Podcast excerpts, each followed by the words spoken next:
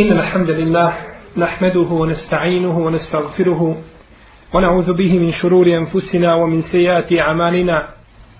من يهده الله فهو المهتد ومن يضلل فلن تجد له وليا مرشدا. وأشهد أن لا إله إلا الله وحده لا شريك له. وأشهد أن محمدا عبده ونبيه ورسوله وصفيه من خلقه وخليله. أدى الأمانة وبلغ رسالة ونصح الأمة وكشف الله تعالى به الغمة وجاهد في الله حق جهاده حتى أتاه اليقين. يا أيها الذين آمنوا اتقوا الله حق تقاته ولا تموتن إلا وأنتم مسلمون. يا أيها الناس اتقوا ربكم الذي خلقكم من نفس واحدة وخلق منها زوجها وبث منهما رجالا كثيرا ونساء. واتقوا الله الذي تساءلون به والأرحام. إن الله كان عليكم رقيبا. يا أيها الذين آمنوا اتقوا الله وقولوا قولا سديدا. يصلح لكم أعمالكم ويغفر لكم ذنوبكم. ومن يطع الله ورسوله فقد فاز فوزا عظيما. أما بعد فإن أحسن الكلام كلام الله.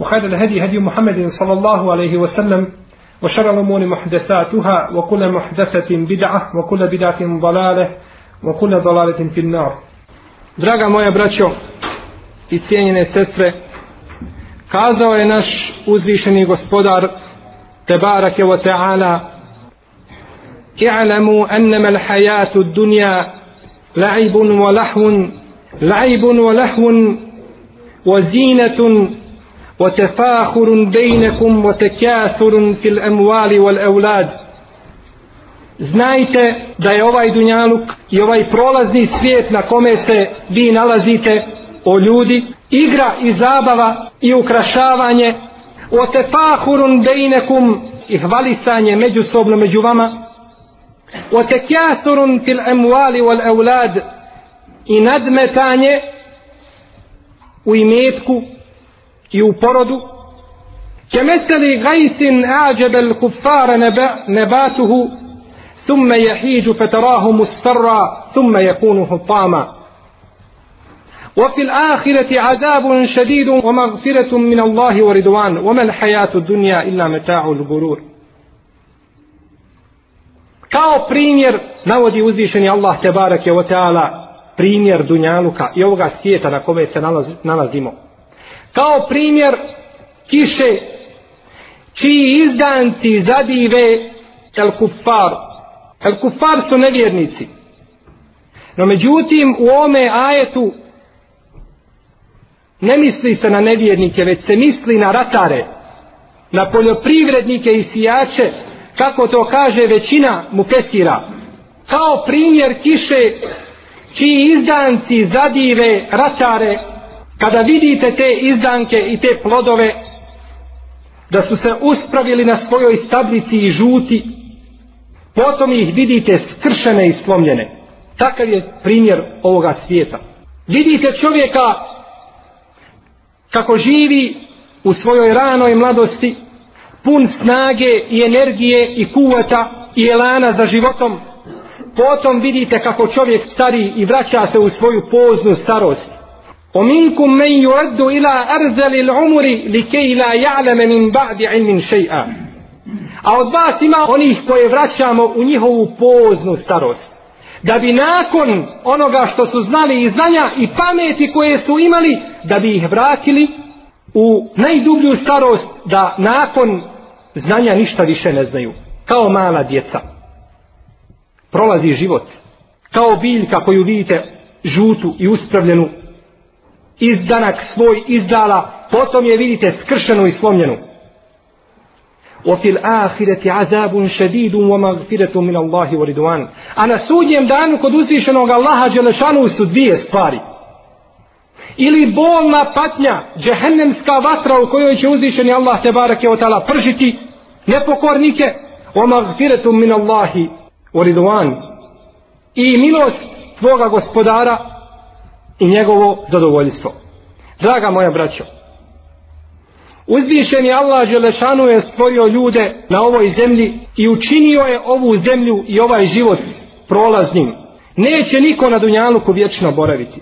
Onaj ko hoće Dunjaluk neće uspjeti kod svoga gospodara. Takav će propasti. Kaže naš uzvišeni gospodar Tebareke o Teala Men kane yuridu l'hajate dunja o zineteha nuwafi ilihim amalehum fiha vohum fiha la yubhasun oni koji budu htjeli i njihov krajnji cilj bude ovaj svijet na kome žive i da se naslađuju na ovoj zemlji, mi ćemo njima dati da tako čine na Dunjaluku. I neće im ništa biti uskraćeno. U laike ledine lejse lehum fil ahireti ilan nar. Ali takvima kod Allaha Đelešanu na sudnjem danu ne pripada ništa do vatra. Wa ma sana'u fiha وَبَاطِلٌ ma كَانُوا يَعْمَلُونَ I propast im njihova djela i uzalud će biti ono što su na Dunjaluku činili. Draga moja braćo, naš gospodar Tebarak je Vata'ala je učinio ovu zemlju poligonom ispita, gdje se čovjek provjerava i ispitiva i kuje se i dokazuje svoj iman i svoje vjerovanje u Allaha Tebarak je Vata'ala, da bi plodove svoga truda vidio na ahiretu. Onaj ko traži da vidi plodove svoga rada na Dunjaluku, bilo da ga Allah Đeršanu nagradi na Dunjaluku ili da ga ljudi nagrađuju, takav neće kod Allaha Đeršanu imati ništa. Jer on radi za ovaj svijet. Allah Đelešanu ovaj svijet nije učinio vječnim, niti mjestom nagrade, već mjestom gdje se radi, a nagrada se dobija tamo negdje. Na sudnjem danu, tamo Allah Đeršanu nagrađuje znači mjesto gdje će ljudi biti ispitivani. Draga moja braćo, kada uzvišeni Allah te barak je o teala čovjeka ispita, iskuša ga, stavi ga na fitnet, to ne znači nikako da uzvišeni Allah Žešanu ne voli ili da mrzi dotičnog groba. Nikako. To negira hadis poslanika sallallahu alaihi wasallam koga je zabilježio imam Tabarani u svome dijelu El Mu'ađemu na ustatu sa vjerodostojnim lancem prenosilaca Iza ehabba Allahu qauman ibtalahum. Kada Allah Želešanu zavoli jedan narod, on ih iskuša. Znači, iskušenje su dokaz ljubavi Allaha Želešanu prema dotičnom robu ili prema narodu ili prema generaciji. Dokaz ljubavi. Jer i kada jedan narod živi, a nije iskušan, onda neka se zapita. Jer ako su bili iskušavani oni koji su živjeli prije nas, a koji su bili da kako bolji od nas, poslanici i vjerovjesnici, pa kako da mi ne budemo iskušani? Kaže poslanik sallallahu alejhi ve selleme u hadisu koga je zabilježio imam tirmizi u svome sunanu sa vjerodostojnim lancem prenosilaca Ešeddu nas ibtilan al-anbija'u thumma al-amsalu fal-amsal Najviše bivaju iskušani poslanici vjerovjesnici, potom oni koji slijede, potom oni koji slijede u čvrstoći svoga imana. Pa kaže poslanik sallallahu alaihi wasallam dalje o ome hadisu, kaže, a u onoga u koga vjera bude čvrsta i jaka, Allah mu povećava iskušenje. A onaj čija vjera bude blijeda, nekahna, nije jak u svome vjerovanju, Allah ga iskušava shodno, shodno deređi i stepenu njegovog, njegovog imana. Najviše ko je, draga moja braćo, iskušan bio na ovome svijetu, bio je naš poslanik Muhammed sallallahu alaihi wasallam. Najbolji Allahov rob koji je kročio zemaljskom kuglom. Nikada neće doći čovjek kao on sallallahu alaihi wasallam, niti je kada došao ali je prolazio kroz najteža iskušenja. Svih vrsta i svih boja i svih oblika. Bileže Buharija i Muslim od Aisha radijallahu ta'ala anha i Ebi Hureyre da su kazali nije se porodica Muhammedova salavatullahi alaihi međma'in pšeničnog kruha se nije zasitila nikada tri dana uzastopno. Mogu je poslanik sallallahu alejhi ve sellem imati kruha za jedan ili eventualno dva dana, nikada za tri dana. Samo kruha. I zato je bila njegova najčešća hrana kako bilježe Buharija i Muslim od Ajše, voda i temre, datule. Da je to poslanik sallallahu alejhi ve sellem jeo. I bileže Buharija i Muslim da je Omar radijallahu ta'ala anhu jednoga dana ušao kod poslanika sallallahu alejhi ve selleme u njegovu sobu dok je spavao alejhi salatu wasallam. Pa je gledao u poslanika. A ashabi su, draga moja braćo, voljeli poslanika više od bilo koga na svijetu. I voljeli su da gledaju njegovo lice i nisu se mogli zasititi lica poslanika sallallahu alaihi wasallam. Pa je sjedio sve dok se poslanik alaihi salatu wasallam nije probudio. Kada je ustao vjerovjesnik alaihi salatu wasallam, vidio je Omar radijallahu anhu na njegovoj desnoj strani kako se ona hasura ili postelja na kojoj je poslanik spavao, ona je bila od trske i bila je kruta i gruba, kako se ucrtala u kožu poslanika sallallahu alaihi sallam. Ostali su otiski te grube postelje. Pa kad je to Omer vidio, zaplakao je. Zaplakao je Omer. Pa mu kaže poslanik sallallahu alaihi sallam zbog čega plaćeš o Omere. Šta te to rasplakalo? Kaže Allahov poslaniće, tako mi Allaha ja gledam Kisru i Kajsara kako žive u svim dunjalučkim ukrasima. Naslađuju se ovim svijetom, a ti si najbolji Allahov rob, a vidi se u čemu se ti nalaziš i kako živiš. Pa se poslanik sallallahu alaihi wa sallam osmijehnuo. Pogledajte braću kako poslanik sallallahu alaihi wa sallam odgaja ashabe. Ne odgaja ih na dinaru i dirhemu, odgaja ih na akaidu. Odgaja ih da traže kod Allaha nagradu. Pa se poslanik osmijehnuo, hoće kazati prvo, Omere, nema, nema nikakve potrebe da plačeš. Elem terda ja Omer, en tekune lehumu dunja, volena ahira. Zar nisi zadovoljen o Omere, da njima bude dunjaluk i da njima pripada, a da nama bude ahiret. Oni kod Allaha nemaju ništa. Tako je poslanik sallallahu alejhi ve sellem odgajao sabe. I tako Allah te bareke ve taala u svojoj knjizi kada govori onda govori vjernicima njihova srca veže za ahiret, ne veže ih za dunjaluk. Veže ih za ahiret. A tako je i poslanik alejhi salatu wasalam, radio. Pa mjesto da mu kaže imat ćemo i mi na dunjaluku, otvorit će Allah nama i ove i one, sve ćemo mi njih pobjediti, svi će oni ući u islam ili će džiziju plaćati. No međutim, kaže mu poslanik, zar nisi zadovoljan da bude njima dunjaluk, ovaj prolazni svijet, a da bude nama, a da bude nama ahiret. Draga moja braćo, želja, pretjerana želja za dunjalukom je jedan od uzroka propasti čovjeka na ome svijetu.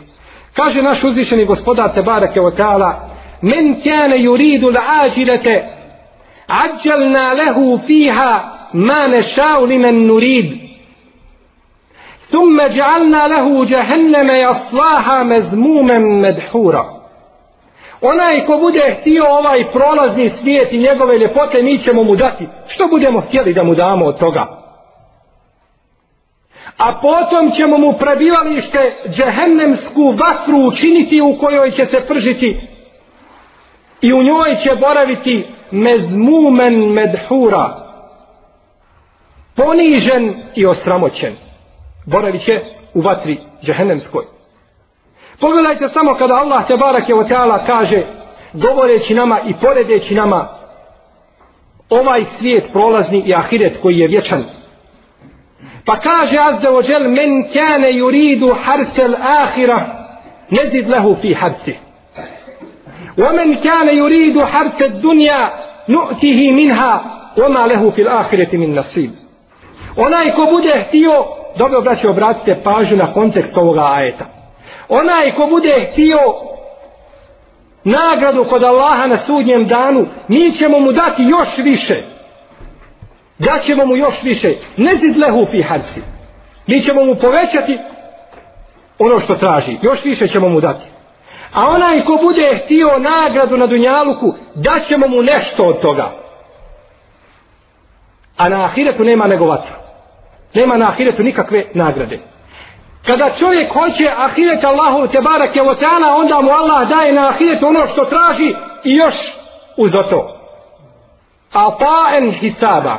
Ata, šta je ata? Ata je nešto dodatno Allah Đeršanu daje. A kad tražiš dunjaluk, daće ti nešto od dunjaluka, ne može sve dati. Može sve dati, ali neće dati jer Allah to Đelešanu nikome nije dao. Daće ti na ahiretu da nađeš da je jedan bić, odnosno mjesto gdje se nalazi jedan bić na ahiretu bolji od Dunjaluka i svega što je na Dunjaluku. Ne samo to, u drugom hadisu, kaže poslanik sallallahu alaihi wasallam da je ahiret mjesto jedno u ahiretu gdje se zabode strela, vrh strele, da je to bolje od Dunjaluka i svega što je na Dunjaluku. Kažu neki komentatori ovoga hadisa bolje od Dunjaluka, od Adem alaihi salam, dok Allah Đeršanu ne smota nebesa i zemlju u svoju desnicu. Od početka Dunjaluka do kraja Dunjaluka. Svega što je na Dunjaluku i na zemlji i svega što je pod zemljom od blaga i metaka što ljudi i ne znaju. Bolje je jedno mjesto gdje se strijela jedna zabode u džennetu. Draga moja braćo, pogledajmo samo naše prethodnike kako su se oni obhodili prema ome prolaznom svijetu. Znali su i upoznali njegove varljive ljepote i nije ih to obmanulo od zikra Allahu te barake o i da njemu budu pokorni. Omer ibn Abdul Aziz, peti pravedni halifa, radi Allahu ta'ala anhu, ostavio iza sebe 11 sinova. 11 sinova. Ništa ni jednom nije od imetka ostavio. Nikakvo nasljedstvo. Ali ih je odgojio, dao im je akaid, ispravan teuhid i vjeru i to mu je dovoljno, ništa mu više ne treba. Tako mi Allaha, kada bi neko od nas svome djetetu ostavio sva blaga Dunjaluka, a ne bi ga poučio dinu i vjeri, on će to sve raskućiti za kratko vrijeme. I to vidite iz praktičnih primjera. Možda su to neki i na vlastitoj koži osjetili. No međutim, kada mu daš ispravan odgoj, onda imaš od njega nagradu i nakon svoje smrti. Jer si ostavio, kako kaže poslanik sallallahu alaihi wasallam, trajnu sedaku. A to je waladun salihun jed'u leh. Iskreno i lijepo odgojeno dijete pravi musliman i mu'min koji mu dovu čini. Čini dovu svome, svome roditelju. Zato kaže poslanik sallallahu alaihi wasallam doći će čovjek na sudnji dan pa će mu Allah Đelšanu pokazati njegova brda dobrih dijela. Pa će kazati gospodaru moj, ja to nisam zaradio, ja to nisam zaslužio. Ja nisam toliko radio, pa će kazati jesi, ti si svoje dijete odgojio u islamu, pa je tvoje dijete nakon tebe dobra djela činilo. Dobra djela činilo i ti imaš nagradu kao i on. Jer si ti bio uzrokom tih dobrih djela. Pa ko je onda na dobitku? I ko je onda onaj koji je postigao pravo dobro? Sigurno onaj ko odgoji svoje dijete. A kada mu ostavi taj metak, s tim imetkom će sebe i druge u zabludu odvesti. Prenosi se jedne prilike da je Ajši radi Allahu ta'ala anha došao metak da ga podijeli. Pa je uzela i kazala svoje sluškinji, idi i podijeli tom toliko i toliko, tom toliko i toliko, dok nije razdijelila sav imetak. Kad je razdijelila sav imetak, kaže njena sluškinja, pa majko naša, zbog čega nisi nama nešto ostavila? I mi smo potrebni, ni mi nemamo. Kaže, tako mi Allaha nisam se sjetila. Nisam se sjetila, ja sam to zaboravila. Da sam se sjetila, ostavila bi i nama nešto. Tako se čovjek, tako se vjernik obhodi, jer zna ono što uloži i što da na Allahovom želšanu putu, stičući njegovo zadovoljstvo i tražeći njegovo lice, da će naći to kod svoga gospodara te Tebarake Oteana. Draga moje braćo, ovo nikako ne znači da čovjek treba da se izolira i da ništa ne smije imati na dunjaluku. Nije tako. Nas uzvišeni Allah te barake od tala poučava i govori nam da moramo imati nešto od ovoga svijeta Jer je Allah to propisao sinu Adamu. Kaže Allah te barake od tala وَبْتَغِ فِي مَا آتَاكَ اللَّهُ الدَّارَ الْآخِرَةِ wala tensa nasibaka min ad-dunya. I onim što ti je Allah dao, obratite braćo pažnju na kontekst ovoga ajeta. Kakav je Allahov govor? Svaki ajet zaslužuje da se stane pored njega i da se razmisli šta Allah govori i kako Allah govori. E fela je te deberun el Kur'an. Zar oni ne razmišljaju o Kur'anu? Em ala kulubin akfaluha. Ili su to na njihovim srcima katanci, pa ne mogu razmišljati. razmišljati o Kur'anu. Obtegi fima atak Allahu dar al-ahira. I ti traži sa onim što ti Allah dao od dunjalučkih dobara, traži Allahovo zadovoljstvo i traži ahiret. Ola tensa nasibake mina dunja. A nemoj zaboraviti ni onaj dunjalučki udio. Kao osnova je traži Allahovo zadovoljstvo, ali nemoj zaboraviti ono što moraš imati od hrane, pića, odjeće, jahalice i slično tome. Jer to moraš imati da bi mogao normalno živjeti na dunjaluku. No međutim, traži Allahovo zadovoljstvo. Kao da čovjek nije, kao da to nije ono pravo zadovoljstvo u onome što čovjek uloži u sebe na dunjaluku, već da je pravo zadovoljstvo i prava sreća u onome što se uloži na Allahom te barake o teala putu. No, međutim, braće, ovaj ajet Allah te barake o teala spominje u suri Al-Kasas. Prije, ajet prije ovoga, u njemu Allah Đeršanu spominje i ajeti su tako povezani. Mufestiri kažu da je svaki ajet vezan za onaj koji dolazi iza njega. Ili u velikoj većini slučajeva. Da su krajevi sura povezani sa početkom drugih sura i tako dalje. Kaže Allah Đelšanu u ajetu prije toga Inne Karune kane min qavmi Musa fe bega alejhim.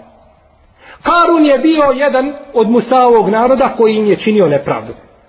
وآتيناه من الكنوز ما إن مفاتحه لتنوء بالعسفة وللقوة إذ قال له قومه لا تفرح إن الله لا يحب الفرحين kaže Allah Žešanu govori nam o ome zločincu Karunu koga je fehasefna bihi obigarihi l'ard koga je Allah Želešanu pomeo sa lica zemaljskog zemlja ga je progutala mi smo mu kaže Allah Želešanu, dali od imetka da jedna skupina jakih, moćnih ljudi nije mogla da ponese samo ključeve njegovih riznica. Što mislite, braću, kakav je to imetak? Kada bi čovjek imao samo jedan ključ jedne riznice, to bi bilo dovoljno i njegovom unučetu. No međutim, njegove riznice ni skupina ljudi nije mogla ponijeti. Ne da je mogla, nije mogla ponijeti. Koliko je možda skupina trebalo da to ponese? Pa onda Allah što nakon toga kaže obtegi ti ma tak Allahu daral ahire. I ti traži onim što ti Allah dao ahiret. Šta hoće Allah kazati? Nemoj biti kao Karun. Nemoj to trpati u riznice i ostavljati i da to na kraju bude protiv tebe. Nego daj to tamo gdje je Allah te barake wa ta'ala zadovoljen. Kazao je poslanik sallallahu alaihi wasallam govoreći nama o ljudskoj duši i o prirodi čovjeka. U hadisu koga bilježe Buharija i Muslim kazao je srce čovjeka biva mladalačko starog čovjeka. Starca biva mladalačko u dva slučaja. Fi hubbi dunja u tulil emel. U ljubavi prema dunjaluku i vječnim dugim nadama. Da se čovjek dugo i puno nada i kazao je poslanik sallallahu alejhi ve selleme govoreći o dunjaluku i onima koji stiču i rade za dunjaluk u hadisu koga bilježi imam Bejheqi dvojica se ne mogu nikada zasititi. Nikada im nije dosta. Talibu ilmin o talibu dunja. Onaj koji stiče znanje i onaj koji stiče i traži dunjaluk. Nikada se ne mogu zasititi. Čovjek koji zna i koji uči znanje on se nikad ne može zasititi jer zna da nikada ne može sve naučiti Zato imam šafija govorio što sam god više učio, spoznao sam i spoznavao sam koliki sam džahil i kolika sam neznalica. Što god više da učim. A tako i čovjek koji stiče dunjaluk, nikada mu dovoljno nije. Kako kaže poslanik sallallahu alejhi ve selleme, ne može oči sina Ademovog ništa napuniti do zemlja. Do crna zemlja. Samo crna zemlja. Nikada mu nije dosta. U hadisu koga je zabilježio imam Buharija u svome sahihu, Kaže poslanik sallallahu alejhi ve da će doći čovjek na sudnji dan u džennetu da će kazati Allahu dželešanu: Gospodaru moj, daj mi njivu da orem i da radim. U džennetu da ore i da radi, da sijem. Pa će mu kazati uzvišeni Allah te barak je otala Allahov robe, zar ti nisam sve dao? Zar nisi dobio sve što hoćeš? Samo kaži šta želiš, to je već kod tebe. Kaže, ne ja želim da orem, želim da radim. Pa mu kaže Allah te bareke otala, idi sine Ademov, eto ti to što tražiš, tvoje oči ne može napuniti ništa do crna zemlja. Čovjek je po svojoj prirodi takav, da voli dunjaluk. O innehu li hubbil hajri le šedid. a čovjek voli hajr, voli dobro. Kažu mu Fesiri i složi se na tome da je hajr ovdje, da je to ovo dunjalučko imanje. Znači, draga moja braćo, čovjek može imati dunjaluk i može imati ono što mu treba od dunjaluka. Može imati ono što mu ne treba i više. Mi ne kažemo da musliman ne može biti jak materijalno. Treba da bude jak. Kamo sreći da su muslimani jaki, ne bi im se dešavalo ovo što se dešava. No međutim, mi ovdje gledamo ovo pitanje sa jednog drugog aspekta. Gledamo da musliman ne smije imati za cilj i metak, nego da i metak mora uzeti kao sredstvo.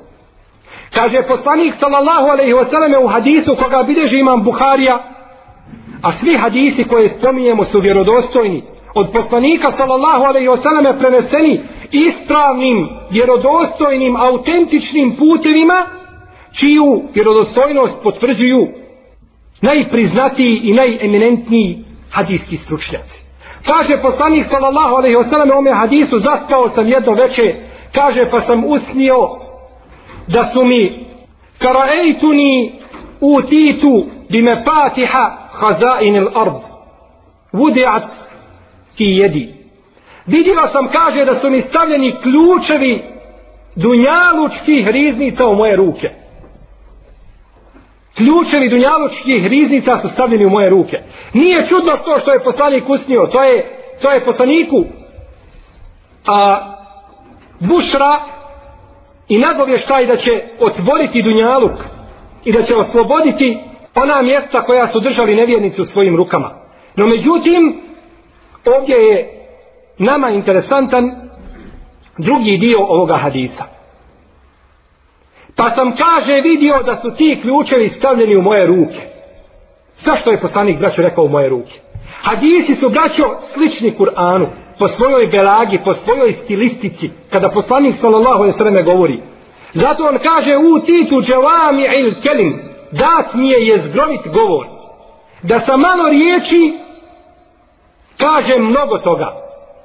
Tako ovdje poslanik kaže, stavljeni su moje ruke. Šta ćemo mi zaključiti, izvući kao zaključak i toga? Izvućemo zaključak, braćo, da je Dunjaluk stavljen poslaniku u ruke, ali nije stavljen u njegovo srce.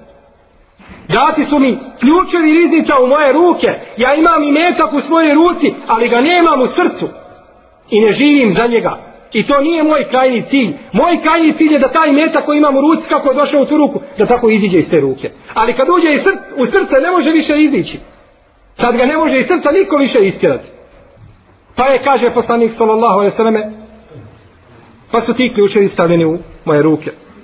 Bilježi imam Buharija u svome sahihu, da je Ebu Ubejde radijallahu anhu izišao u El Bahrein, to je jedno mjesto bilo, nije to država ona koja je danas El Bahrein, da pokupi džiziju. Pa su ashabi svakoga dana izlazili nakon namaza, gledali kada će doći. Očekivali su taj metak. Pa je poslanik sa osalem, kada je došao Ebu Ubejde, okrenuo se poslije namaza svojima ashabima i rekao, kaže, čujem i osjećam da očekujete Ebu Ubejdu da se vrati i da vas raduje njegov povratak. Pa kažu jeste o Allahov poslaniće. Raduje nas njegov povratak i raduje nas ono što će donijeti. Pa kaže poslanik sallallahu alaihi selleme došao je. Došao je Ebu Ubejde i donio je ono o čemu se radujete. Tako mi Allaha ja se vama ne bojim siromaštva. Ne bojim se siromaštva za vas. Ja se bojim vama dunjaluka. Vidite braću čega se poslanik boji nama. U vrijeme poslanika sallallahu alejhi ve selleme nije bilo jednostavno doći do dunjaluka kao što je to u naše vrijeme. Bojim se kaže da vam se ne otvori dunjaluk te tenafe suha kema tenafe suha pa ćete se vi natjecati i žuditi za tim dunjalukom kao što su žudjeli oni prije vas. Te tuhlikekum kema ehlekethum pa će vas uništiti kao što je njih uništio. A u drugoj predaji koji također bileži Buhari u svome sahiju i muslim, Ketulhikum kema elhethum. Pa će vas zabaviti dunjaluk kao što je njih zabavio. I svaki od ovih hadisa tefsiri drugi hadis. Kad te zabavi, onda će te uništiti. A nije te uništio dok te nije zabavio. Pa je kazao svojima sahabima, dobro se pazite da se vas, vama ne otvori dunjaluk, to jeste da ne uđe dunjaluk u vaša srca, pa se vi odate tom dunjaluku, a zaboravite onaj vječni i bolji, i bolji svijet. Draga moja braćo, dunjaluk kvari čovjeka sa više strana i ima negativne osobine. Govorimo o dunjaluku koji ulazi u ljudska srca. Kako će čovjek znati da li je dunjaluk ušao u njegovo srce ili nije? Lahko će znati. Kada treba da svoj dunjaluk uloži na Allahovom putu, ako mu je to teško dati i ne bi dao, kao da mu neko zdrav zub čupa kada treba da da na Allahovom putu, takav je tokovao svoje srce dunjalukom. I takvom je dunjaluk ušao u njegovo srce. No međutim, onaj ko daje na Allahovom putu i sretan je kad da i kada ima gdje dati, prije nego što dođe vrijeme kada neće imati kome davati, takav ima dunjaluk u svojim, samo u svojim rukama.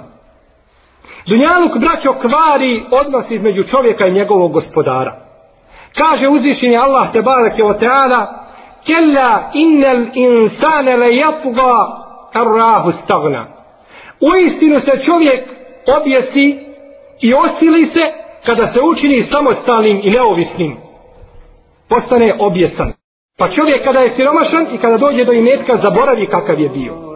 I brojni hadis se spominju na tu temu u dva sahiha i u drugim hadiskim zbirkama. Allah žanu iskuša čovjeka, potom mu da imetak i on nakon zaboravi ono u čemu je bio. Zaboravi da je Allah žanu taj koji ga je, koji ga je obskrbio.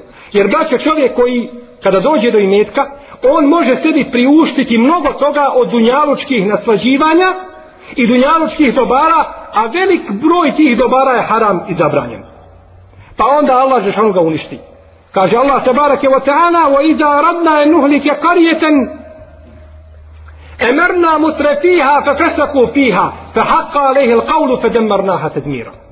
A kada mi hoćemo da uništimo jedan narod i jedno mjesto, mi učinimo one nepokornike iz tog mjesta da fesad i nered čine po zemlji dok se ne obistine naše riječi i onda ih tako sviju uništimo.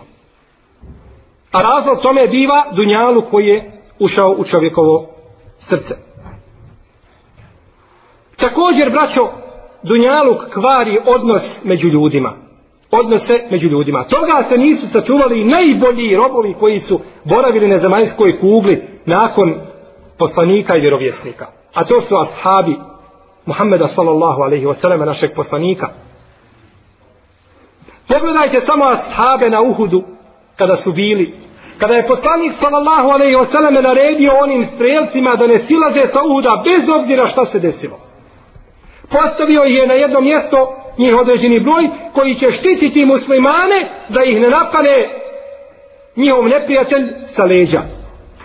No međutim, kada su vidjeli ti strelci da muslimani napreduju i da idu napred i da uzimaju plijen, stišli su sa tog mjesta. Oglušili su se o naredbu poslanika sa osanem. Nisu poslušali Allahov vjerovjesnika, šeitan ih je prevario pa su sišli, pa je onda Khalid ibn Walid radijallahu ta'ala anhu prošao sa konjenicom jednom iza njihovih leđa i tu su muslimani poraženi. Prikupljali su taj imetak. Plijen, bratni. Kaže Ubade ibn Samit radijallahu ta'ala anhu kako bilježi ima Mahmed u svome musnedu sa lancem preosiraca čiji su čije su ravije pouzdane. Kaže ovaj ajet jes eluneke anil enfal prvi ajet u suri el enfal objavljen je kaže zbog nas bedrija Bedrija koji smo učestvovali jeli, na Uhudu. يسألونك عن الأنفال قل الأنفال lillahi wa rasul, الله وأصله wa بينكم zate bejnikum. Pitaju te o ratnom plijenu. Reci ratni plijen pripada Allahu i poslaniku. Kaže Ubade ibn Samit, nismo se svađali i prepirali oko tog plijena, kaže pa smo grubo postupili. I ružno smo postupili, kaže pa je to Allah Žešanu uzeo i učinio da pripada taj plijen Allahu te barake o ta'ala i njegovom, i njegovom poslaniku. Jer braćo, ovaj odnos se pokvari kada se trči bez mjere i bez ikakvih principa i pravila i ciljeva za dunjalukom.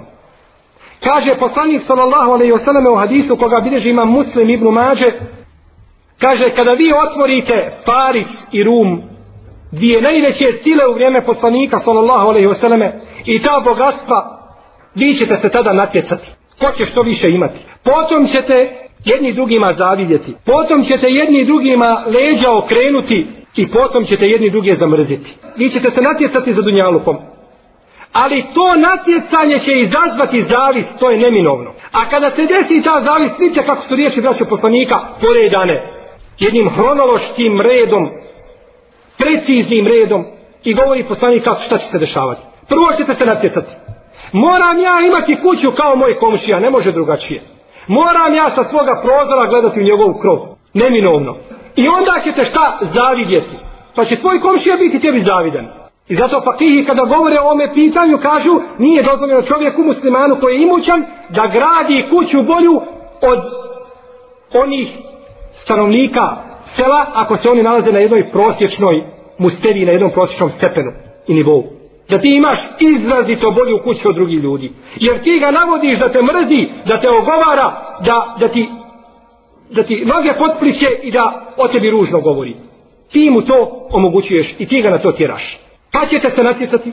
Kada se budete natjecali, vi ćete se, vi ćete tada zavidjeti jedni drugima. Nakon toga ćete jedni drugima leđa okretati. I nakon toga, kada leđa okrenete, onda ćete jedni druge mrziti. Pogledajte kako je to poslanik sam naredio. I kako je kazao, i kako je pojasnio, kako se kvare odnosi među ljudima zbog dunjaluka.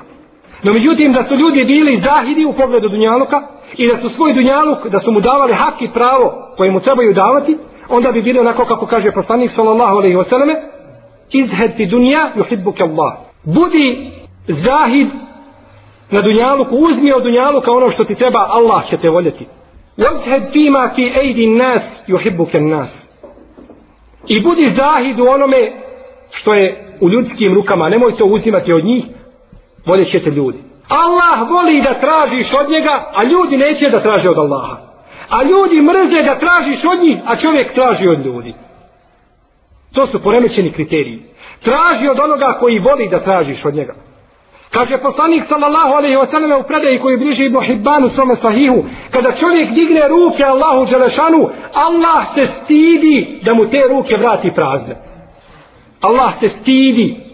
Ko si ti, o Allahu robe, da se Allah tebe stidi? Pun grijeha, pocrnu od grijeha, ali Allah se tebe stidi da ti ne da ono što tražiš. A tražiš od ljudi, a to ljudima teško pada kada od njih, kada od njih tražiš.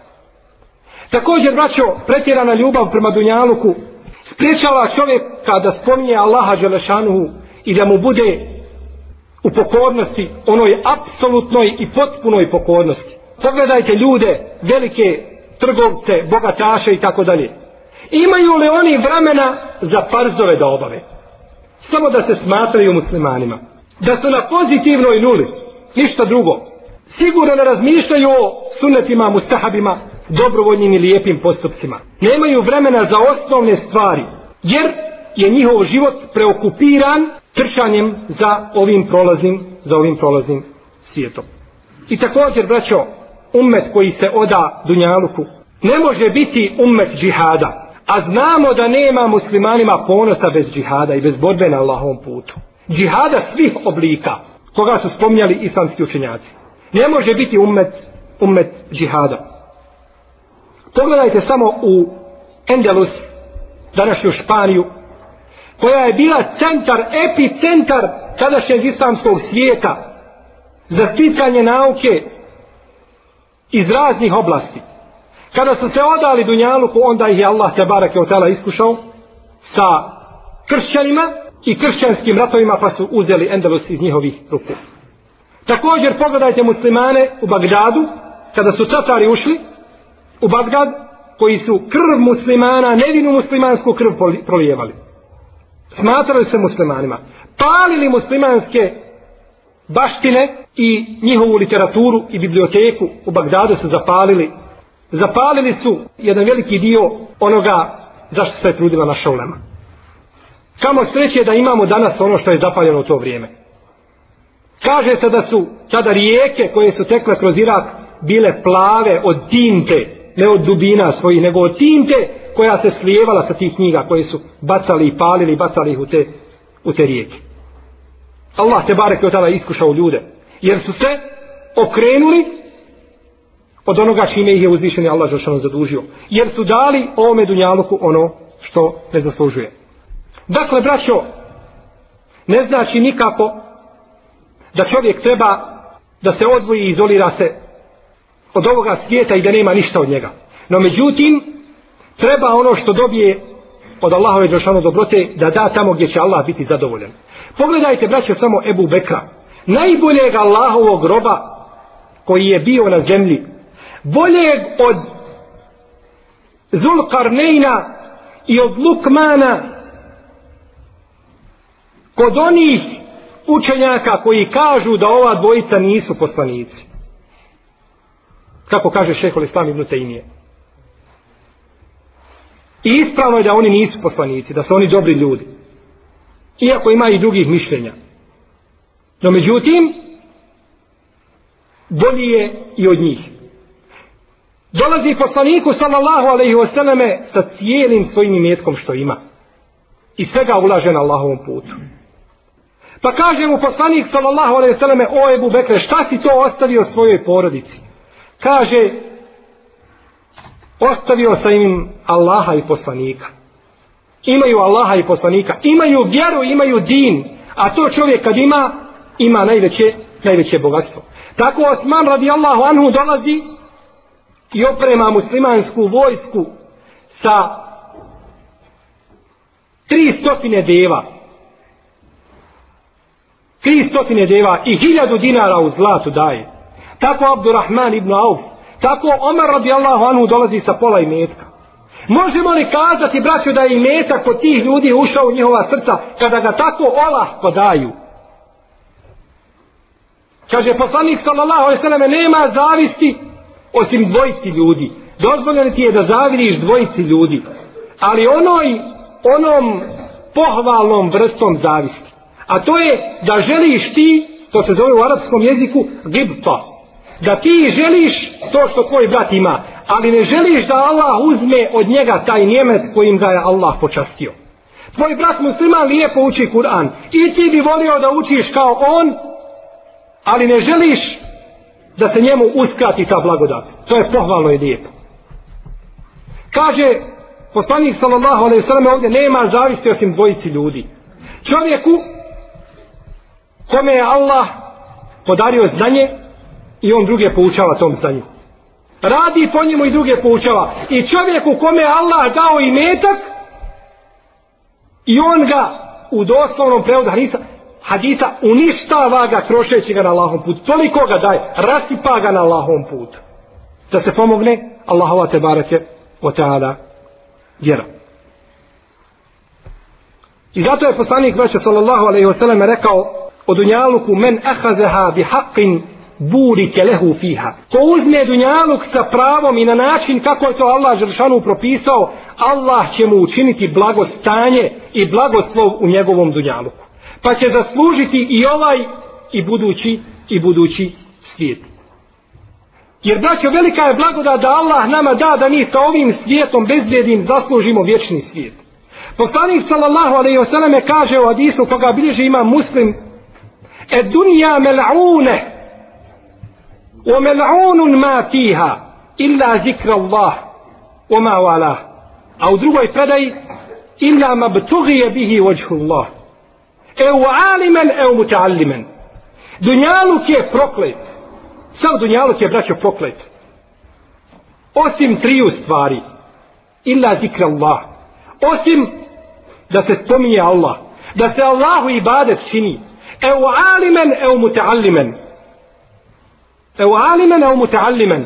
Ili da budeš onaj koji si učen pa druge poučavaš ili da se ti učiš.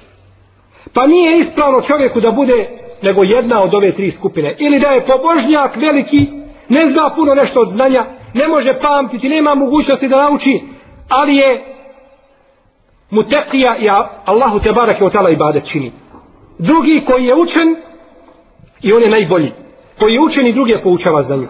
I treći je onaj koji se poučava, onaj koji se poučava tome znanju. Zato je uzdišen je Allah te bareke od tada odlikovao učene u brojnim i ajetima i poslanik sallallahu sallam u brojnim hadisima.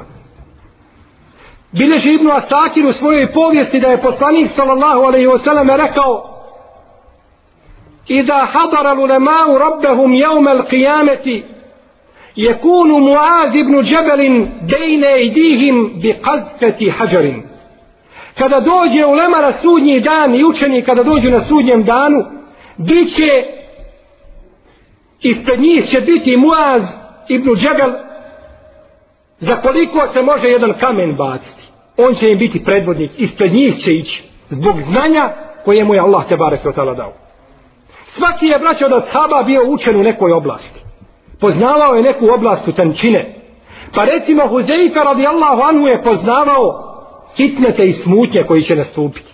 Kaže, pitali su ljudi poslanika sallallahu alaihi sallam o dobru, a ja sam ga pitao o zlu, bojeći se da me ne snađe zlo. Znao je fitnete. Ibnu Abbas, Ibnu Mes'ud, Ubej, Ibnu Kjabi, drugi su poznavali Kur'an, kirajeta Kur'ana. I slično tome. Ebu Hureyre je poznavao hadis. Muaz ibn Džebeli je poznavao halal i haram. Zaid ibn Sabit je poznavao el faraib, nasljedno pravo. Alija radijallahu anhu je poznavao el qaba, suđenje, bio je dobar sudija. Lijepo je i pravedno sudio među ljudima. Aisha radijallahu ta'ala anha je bila, kako kaže Ibnu Abdul Ber u svome dijelu Temhid, bila je najučenija u svoje vrijeme u fikhu, u medicini i u pjesništvu. Mugire ibn Šuabe je najbolje poznavao potiranje po mestvama. Pitajte Mugiru kada hoćete potiranje po mestvama. Kako, kada i gdje. Džabir je najbolje poznavao hađ hađ, jer je obavio sa poslanikom hađ i džabir nam je prenio hađ kako nije nijedan od drugih ashaba. Najbolje je poznao hađ poslanika, jer je bio cijelo vrijeme na hađu uz Allahov poslanika, sallallahu alaihi sallam. Zato hadis koga bilježi ima muslim u svome sahihu od džabira, džabirov hađ je najispravniji, najpotpuniji hadis koji opisuje hađ. Tako je svaki od ashaba bio uz poslanika, sallallahu alaihi sallam, i učio ono što je što mu je Allah te barek omogućio da nauči. Bileži imam Buharija u svome sahihu da je Ebu Horeira radijallahu ta'ala anhu jedne prilike bio u poslanikovoj džamiji. Pa kaže Ebu Hureyre, ostavi. Kaže pao sam na zemlju i kaže kao deva počeo sam da svoju glavu guram u pjesak. Kao deva kada radi. Kao noj kada skriva glavu u pjesak kaže tako sam ja radio. Pa je prišao jedan od ashaba i svojom nogom pričepio moj vrat. Da se ne mogu više pomjerati. Kaže, misli da sam lud. Misli da sam poludio, pa pričepio svojom nogom moj vrat. A kaže, tako mi Allaha nisam lud, nego sam gladan. Nego sam gladan. Ovu predaju bilježi vam Buhari o svome sahiju. Ali je non stop bio uz poslanika, sallallahu alaihi wa sallam. Pogledajte, braćo Ebu Hureyru. Tako mi Allaha, znajte li, braćo, da mi ne znamo ime Ebu Hureyre. Da se islamski učenjaci spore na više od 20 mišljenja kako je ime Ebu Hureyre. Ne znaju kako mu je ime. Ali znaju da je Ebu Hureyre, kako? Radijallahu anhu. Do sudnjeg dana. Poslanik mu dovu činio. I ostaje zabilježen u na, na najsvjetlijim stranicama islamske povijesti do sudnjega dana. A koliko je Dunjalučara bilo i prošlo, kojima se ne zna spomen. A Ebu Hureyre ostaje, jer je on je uzeo ono što je najizjednije sa Dunjaluka, a to je znanje. Zato ga je poslanik sallallahu alejhi ve sellem volio neizmjernom ljubavlju. Došao je bilježi imam muslim u svome sahihu da je Ebu Hureyre jednog dana došao poslaniku sallallahu alaihi wasallam i rekao o Allahov poslaniće ja moju majku pozivam u islam a ona neće da primi islam. Neće da uđe u islam. Govorim joj o tebi a ona te po ružnom spominje. I kaže danas te je spomenula po ružnom. I došao je poslaniku sallallahu alejhi ve selleme plačući. Kaže: "Moli Allaha da moja majka primi islam. Moli Allaha da uputi moju majku u islam." Pa je poslanik sallallahu alejhi ve selleme dignuo svoje mubarek ruke i zamolio Allaha dželešanu da njegova majka primi islam. Kaže: "Pa sam se vratio svojoj kući tužan zbog onoga što se dešava sa mojom majkom, a otac mu je umro prije toga." Kaže, kada sam se vratio u svojoj kući, kaže, našao sam zaključana vrata. I kaže, čuo sam, kaže, glas vode. Čuo sam prosipanje, prolijevanje vode. Kaže, pa sam pokucao na vrateno, međutim, niko nije otvarao. Pa sam i drugi put pokucao, pa je majka kazala, sačekaj. Kaže, pa sam sačekao. Kaže, kada sam jedno izvjesno vrijeme sačekao, otvorila je, kaže, vrata, a na njenoj, kaže, glavi pokrivač. I izgovara šehadet. Izgovara dva šehadeta. Poslanikova, sallallahu alaihi wasallam, dova njemu. Pa ko je na dobitku, a ko je na gubitku? Na gubitku je onaj ko se okrene od Allahove te barake od tela knjige, ko se okrene od sunneta poslanika sallallahu alaihi wasallam u bilo kom segmentu svoga života. Takav je pravi gubitnik. Taman ima od unjalu kod istoka do zapada, od sjevera do juga. Ništa mu to neće koristiti. Pogledajte te ashabe. Pogledajte Ibnu Tejmiju. Pogledajte prije njega Selef. Uvijek kažemo radijallahu anhum. Znate što znači radi Allahu anum, dovu im činimo da im se Allah smiluje. Pa tako mi Allah da su najveći grešnici bili. Kroz ova stoljeća ljudi ih tako spominju radi Allah anum, pa Allah bi im oprostio. Koliko ima ljudi koji kada kažu radi Allahu anum, kažu to iz svoga srca iskreno. Pa Allah će zbog njihove iskrenosti oprostiti njihovim prethodnicima. A šta onda kada su oni bez sumnje najbolja stvorenja koja su hodala za majskom kuglom? Zato, draga moja braćo, neka čovjek bude jedan od trojice. Da bude onaj koji je Allahu Želešanu pokoran i ibadet mu čini, ili onaj koji poučava druge vjeri, ili neka bude onaj koji se poučava, koji se poučava svojoj vjeri. Neka ne robuje Dunjaluku. Kaže poslanik sallallahu alaihi wa sallam u hadisu koga bilježi imam Buharija ibn Hibban Ka'isa abdu dinar u abdu dirhem propao je i upropašten je rob dinara i dirhema, zlatnika i srebrenjaka. U abdul hamisati ul katifa i rob hamisa i katife, to su dvije vrste platna, skupocjenog platna, oni koji im robuju. Takvi su upropašteni. In utije robije, o in munja sahib Ako mu se da i zadovoljan je. Ako mu se ne da i nije zadovoljan. Sve mjeri dunjalučkim kriterijima. Sve je vezano za materiju. Kazao je poslanik sallallahu alaihi wasallam da će doći generacije ljudi da će se jednom od njih dati stotinu dinara. Kaže pa će biti ljut. Stotinu dinara dobio, ništa radio nije, nekomu poklonio i ljut je zato što mu je neko dao samo stotinu. Što nije dao hiljade. Znači sve mjeri po dunjalučkim kriterijima. Draga moja braćo, kako čovjek da prida pažnju i važnost ome svijetu, kada kaže poslanik sallallahu alaihi wa sallame, da, ovo, da od ovoga svijeta nije ostalo, osim koliko kada čovjek ode do mora, pa svoj prst stavi u more i izvadi ga. Šta mu ostane na prstu? Jedna kap, dvije kapi, tri kapi. Ne može više od toga. To u odnosu na cijelo to more. E toliko je ostalo od ovoga dunjaluka u odnosu na ono što je prošlo od njega. To je jedan primjer. Ili drugi primjer koga navodi, a hadis bilježi ima Mahmedu svome musnedu sa ispravnim lancem prenosnata i drugi je također u musnedu i vjerodostojen je. Da je poslanik sallallahu alaihi sallam jednog dana izišao sa svojima sahabima na jedan proplanak od obližnjih proplanaka Medine. Pa su ugledali sunce koje je već palo kao obzorju zalazi sunce Pa kaže poslanik, od ovoga dunjaluka nije ostalo, osim koliko je ostalo od ovoga dana da ovo sunce zađe. U odnosu na cijeli dan koji je prošao. E toliko je ostalo od dunjaluka. Zato poslanik sallallahu alaihi selleme kaže, poslan sam ja i sudnji dan kao ova dva. Pa je pokazao sa svojim srednjakom i svojim, kaže prstom kaže neka ulema kao ova dva to jeste blizu jedan drugoga. A drugi kažu kao ova dva to jeste da je poslanik pretekao sudnji dan za koliko je srednjak pretekao? Kaže prst. Poslan sam ja i sudnji dan ovako. U jednoj predaji kaže poslan sam ja i sudnji dan kaže pa sam se prepao i pobojao da će me pretati sudnji dan. Tu smo nas dvojica negdje jako blizu. Jako blizu. Prošao je braćo poslanik sallallahu alaihi selleme pored ljudi odnosno prošao je sa svojima sahabima pored jedne lešine. Ovo je hadis bilježi ima muslimu svome sahihu. Pored jedne lešine pa je uzeo za njeno uho i dirao tu lešinu i pitao svoje sahabe ko bi kupio ovu za dinar. Kaže o Allahov poslaniće da je živa ne bismo je kupili za dinar. Da je živa, a kako onda kada je mrtva? Pa kaže poslanik tako mi Allaha. Tako mi Allaha. Ko se kune? Onaj kome Allah objavu šalje jutrom i uveče.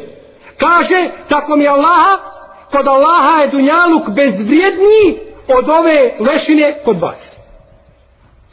Kada bi vam neko donio tu lešinu, vi biste molili Boga da se toga kotarišete, da toga nema kod vas. E tako je, kaže dunjaluk, kod uzvišenog Allaha, te barake, o teala.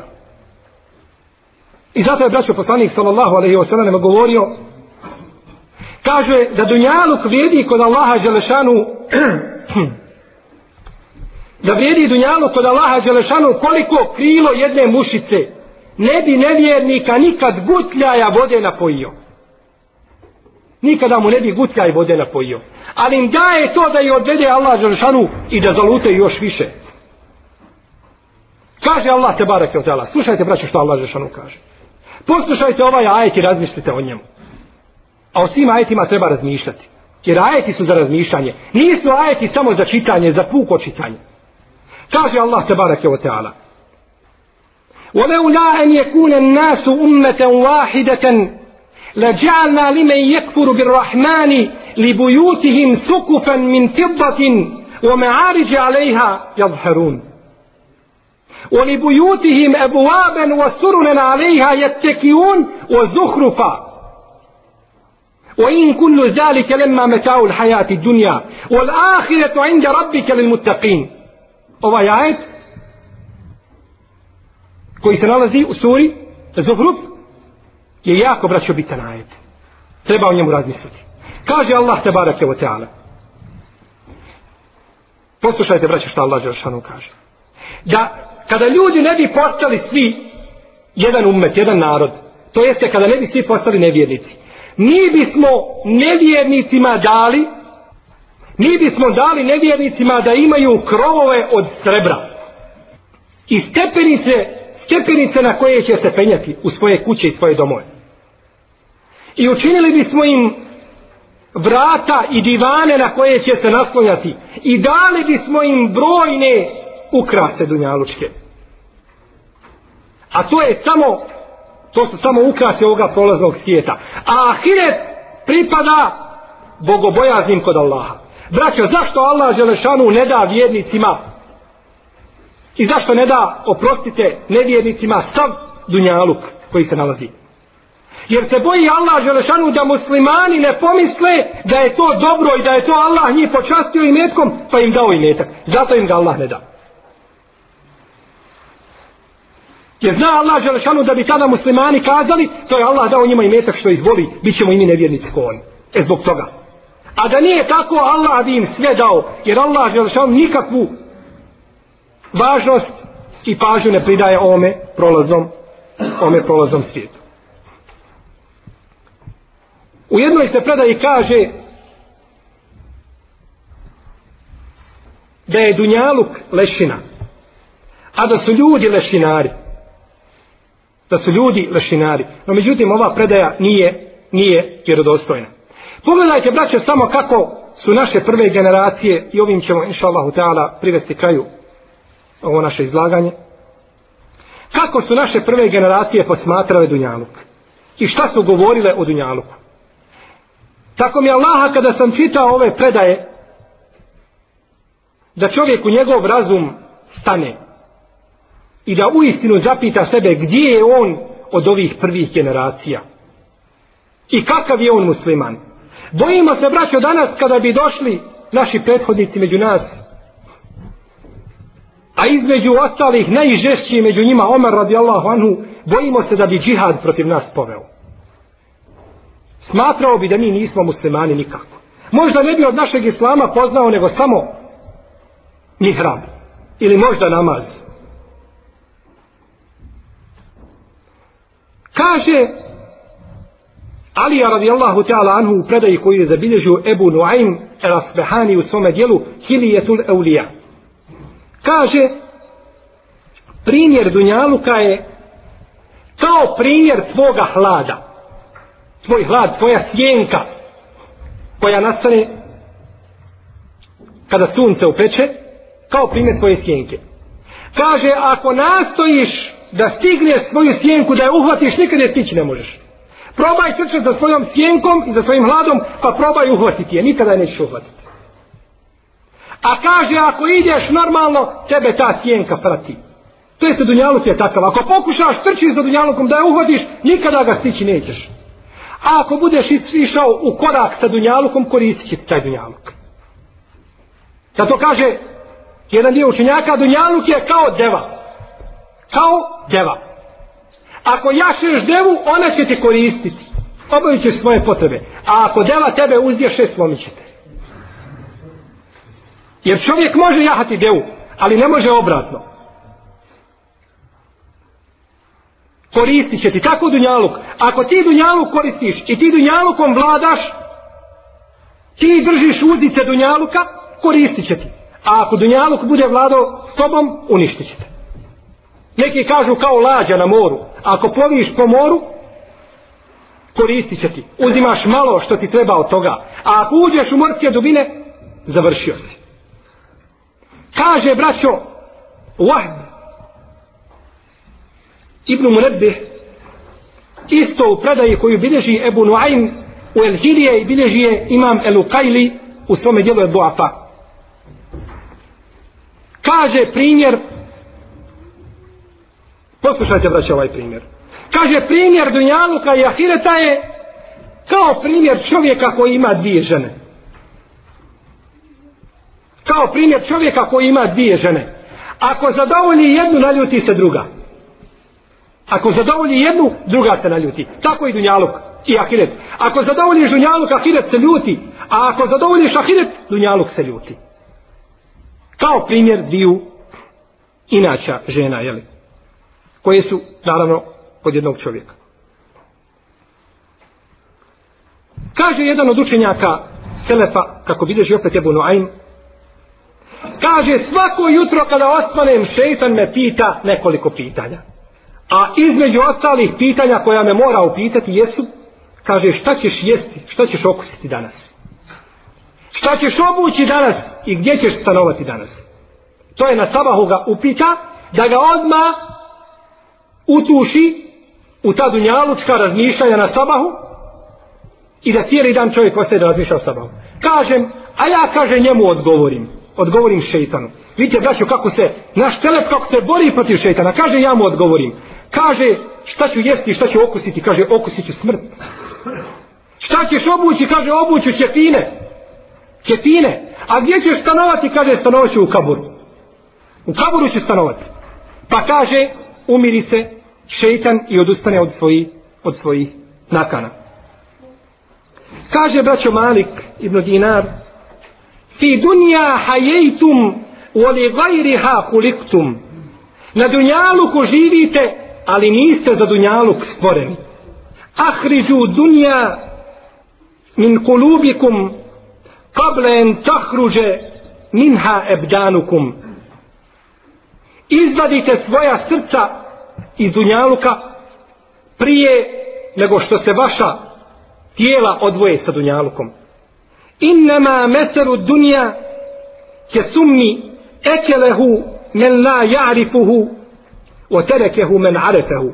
Primjer Dunjaluka je, kaže, kao primjer otrova. Koga ne zna, pojede ga, a koga zna, ostavi ga. Kao primjer otrova. Ko ne zna šta je otrov, on će ga pojesti, pa će umrijeti. A onaj ko zna šta je otrov i kako je opasan, onda će ga ostaviti. Znači, poredi, braćo, ovaj islamski učenjak, Dunjaluk i Dunjalučke ljepote sa otrovom. Zato je, draga moja braća, uzvišeni Allah te barek je otala i počastio ove generacije koje su shvatile ovaj prolazni svijet, počastio ih je i na Dunjaluku i na Ahiretu. Njihov spomen uzdignuo na Dunjaluku i na Ahiretu. a nisu na Dunjaluku u istinu ništa imali. Znači put do uspjeha čovjeku jeste da koristi ovaj svijet i da se na njemu vlada onako kako je Allah Đelešanu zadovoljan. Da mu bude iskren i pokoran rob slijedeći Allahu u Đelešanu objavu Kur'an i Kerim i slijedeći sunnet poslanika sallallahu alaihi wasallam ugledajući se na praksu prvih najboljih generacija i ne dozvoleći da ga bilo šta odvoji od spomena uzvišenog Allaha, a posebno, a posebno ovaj prolazni, ovaj prolazni svijet. Draga moja braćo, o Dunjaluku, njegovim varljivim ljepotama se može puno govoriti. Može se mnogo toga kazati. No međutim, kroz ovo kratko izlaganje htio sam samo da ukažem svojoj braći kakva je opasnost da se čovjek preda ovome svijetu i da takav sretne svoga gospodara Tebara Kevoteala. U istinu to bila prava propast. Nije propast braćo nevjerniku kada živi na ome svijetu naslađuje se sa svim dunjalučkim uživanjima i ljepotama, za njega nema dozvoljeno i zabranjeno. Za njega imaju njegovi hirovi i njegovi prohtjevi. Sve što želi to je za njega dozvoljeno, a što mrzi to je za njega zabranjeno. Takav ne zaslužuje ništa drugo nego džehennem. No međutim, propast bi bila za muslimana vjernika, koji se vlada po Allahovom Đelešanu zakonu i po njegovoj vjeri, da on postupa kao oni koji ne vjeruju u Allaha Đelešanu i koji mu kufr čine. Pa da s jedne strane bude od onih koji oponašaju Allahove Đelešanu neprijatelje. Molim Allaha te barake o ta'ala da nas uputi na pravi put, da nas pouči našoj vjeri, da nam najbolje učini naša zadnja djela, da nas spoji u džernetu sa našim poslanikom Muhammedom sallallahu alaihi wasallam, da pomogne muđahide, borce na Allahovom putu na svakom mjestu na zemaljskoj kugli,